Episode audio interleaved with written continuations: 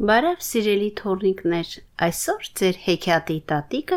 կկարդա մի նոր հեքիաթ։ Գրիմ եղբայրներ, անտարի տնակը։ Մի խոր անտառում մի խրճիթ է լինում։ Այն խրճիթում կնոջ եւ երեք աղջիկների հետ ապրելիս է լինում մի աղքատ փայտահայտ։ Մի առավոտ գործի գնալիս կնոջն ասում է. Այսօր գործս մինչև կեսօր չեմ վերջացնի։ Մեր մեծ աղջկա հետ ինձ համար ճաշ կուղարկես անտառ։ Ես էլ հետս մի տոպրակ կորեկ կվերցնեմ, շախ կտամ ճանապարհին, որ այդ ճանապարհով գա ու չմոլորվի։ Ճաշի ժամանակը գալիս է թե չէ, մեծ աղջիկը կերակուրն առնում ճանապարհ ընկնում բայց ծտերը, արտույտները, շախ տված կորիկը կերած են լինում ու աղջիկը չի կարողանում հորը գտնի գնում է գնում մինչև արևը մայր է մտնում մութը վրա է հասնում եւ աղջիկը սկսում է վախենալ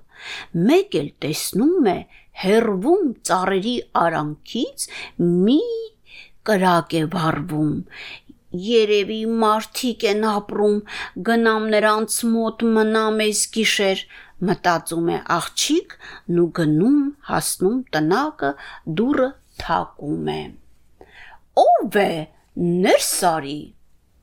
Աղջիկը ներս է մտնում, տեսնում մի ալևոր, սպիտակ, երկար մուրուքով ծերունի։ Իսկ մյուս կողմում մի հավ, մի կով եւ մի ակլոր։ Աղջիկը պատմում է ծերունուն, թե ինչպես է մոլորվել եւ խնդրում է, որ այս գիշեր տեղ տա իրենց մոտ քնի։ Ծերունին դիմում է իր կենթանիներին. Սիրուն հավիկ, իմ լավիկ, չալու նախշուն, իմ կովիկ եւ իմ ակլոր փայլևան։ Ինչ կասեք, դուք սրան Կենթանիները միասին պատասխանում են. Լավ։ Այդ ժամանակ ծերունին աղջկան ասում է. Համեցեք, սիրուն աղջիկ, մեր դուռը բաց է քո համար։ Տունը լիքը համեցիր, խոհանոց, ինչ ուզում ես պատրաստիր, մեզ համար էլ, քեզ համար էլ։ Աղջիկը մտնում է խոհանոց եւ ճիշտ որ ճիշտ ամեն բան տունը կա։ Մի լավ ընթրիկ է պատրաստում, բերում ծերունու արջև դնում ու միասին նստում, ուտում, խմում, կշտանում։ Կշտանում են թե չէ, ասում է. «Բա ես հոգնած եմ, որտեղ պիտի քնեմ»։ Այստեղ կովը, հավը եւ ակլորը պատասխանում են. «Ողջ ուտելիքը դու կերար, ու մեզ նույնիսկ չհիշեցիր, գնա քնիր, ուր կուզես։ Այն ժամանակ ծերունին ասում է. Բարձրացիր սանդուղքի գլխին մի սենյակ կա, այնտեղ երկու մահճակալ կա։ Անկողիները պատրաստիր, ես էլ կգամ, որ քնենք։ Աղջիկը վեր է բարձանում, անկողիները պատրաստում ու էլ ծերունուն չի սпасում, ինքը պարկում ու քնում։ Մի քիչ հետո ծերունին գալիս է մոմի լույսով նայում աղջկան ու գլուխը օրորում։ Գիշերվա մի ժամին ծերունին վեր է կենում, մահճակալի տակ մի գախնի նկուղ է լինում, բաց է անում, աղջկան թողնում ցած ու կրկին փակում։ Փայտահայտը Իրիկունը տուն է գալիս, բարկանում է կնոջ վրա, որ իրեն ամբողջ օրը սոված է թողել։ Ես ինչ անեմ, պատասխանում է կինը։ Ճաշը տվել եմ մեր մեծ աղջկան ու ուղարկել եմ, ինքն էլ դեռ տուն չի վերադարձել։ Փայտահայտը մյուս օրն էլ վեր է կենում, գնում անտառ Այս անգամ ասում է մեր միջնեք աղջկան հետ ճաշը ուղարկի։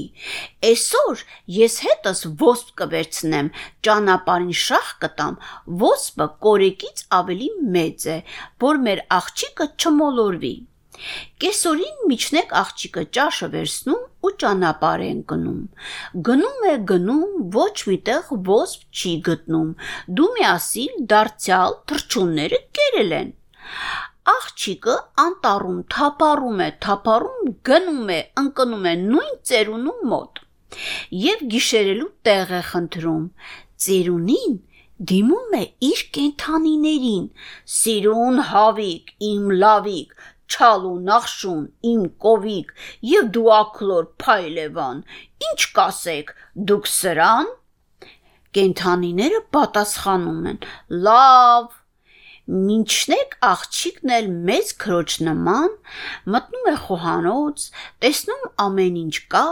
ընթրիք է պատրաստում, նստում ծերունու հետ ուտում,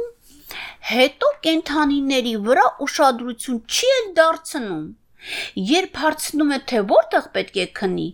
կենթանիները պատասխանում են. «Ողջը դու կերար ու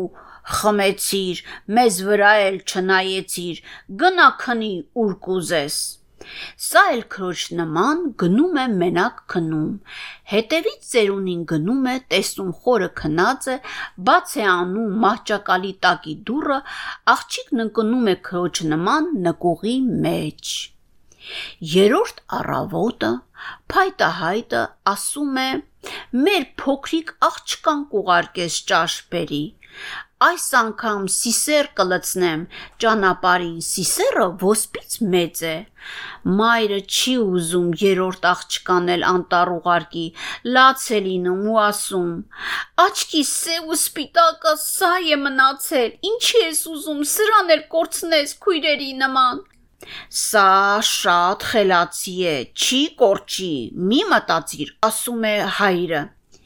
Երբ գալիս է ճաշի ժամանակ, աղջիկը ճանապարհ է ընկնում եւ տեսնում է, որ ոչ մի սիսեր էլ չկա, ծիտիկները կերել են։ Աղջիկը մնում է տարակուսանքի մեջ ու մտածում է, որ հիմա հայրը սոված է, մայրը լաց կլինի, չի կարողանում ճանապարհը գտնել։ Սա էլ քույրերի նման գալիս է ընկնում է նույն տնակում։ Մտնում է ներս եւ ծերունուց տեղ է խնդրում քնելու։ Ծերունին դիմում է իր կենթանիներին.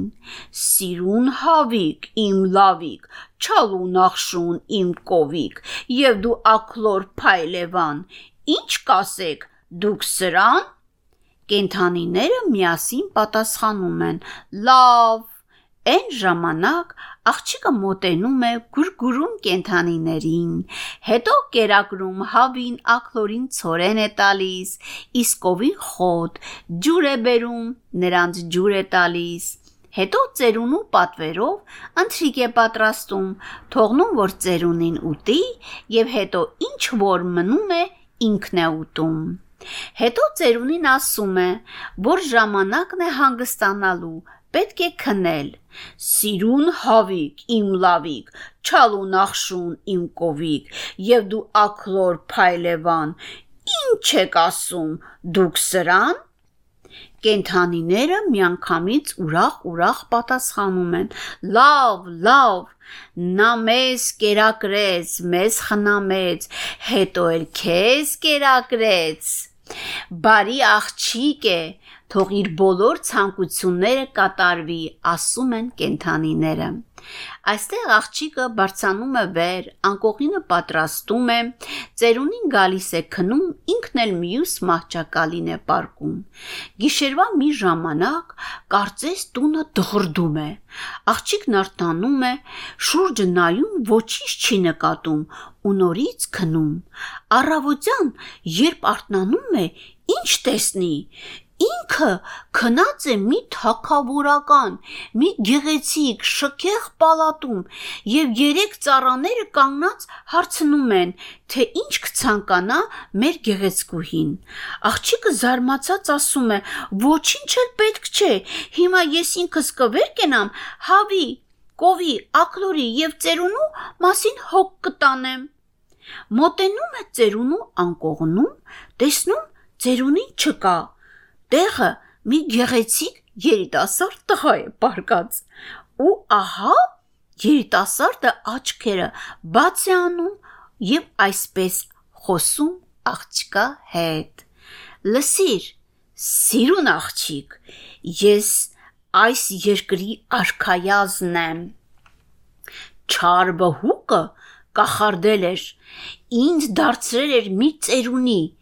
իսկ իմ երեք ծառաներին կախարդել էր հավի, կովի եւ ակլորի կերպարանքով, որ ամբողջ կյանքում ապրենք անտառում,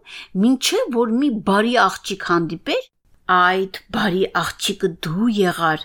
եւ ես այս գիշեր այս անտառի փոքրիկ խրճիթը նորից դարձավ իմ շքեղ պալատը, աղջկա խնդրանքով ազատում են քույրերին եւ երեք ծառաները, որոնք հավի, կովի եւ ակլուրի կերպարանք ունեին, այդ երեք ծառաները գնում են աղջկա ծնողներին բերում են եւ ուրախանում։ Կարդաց Մարա Բաբոն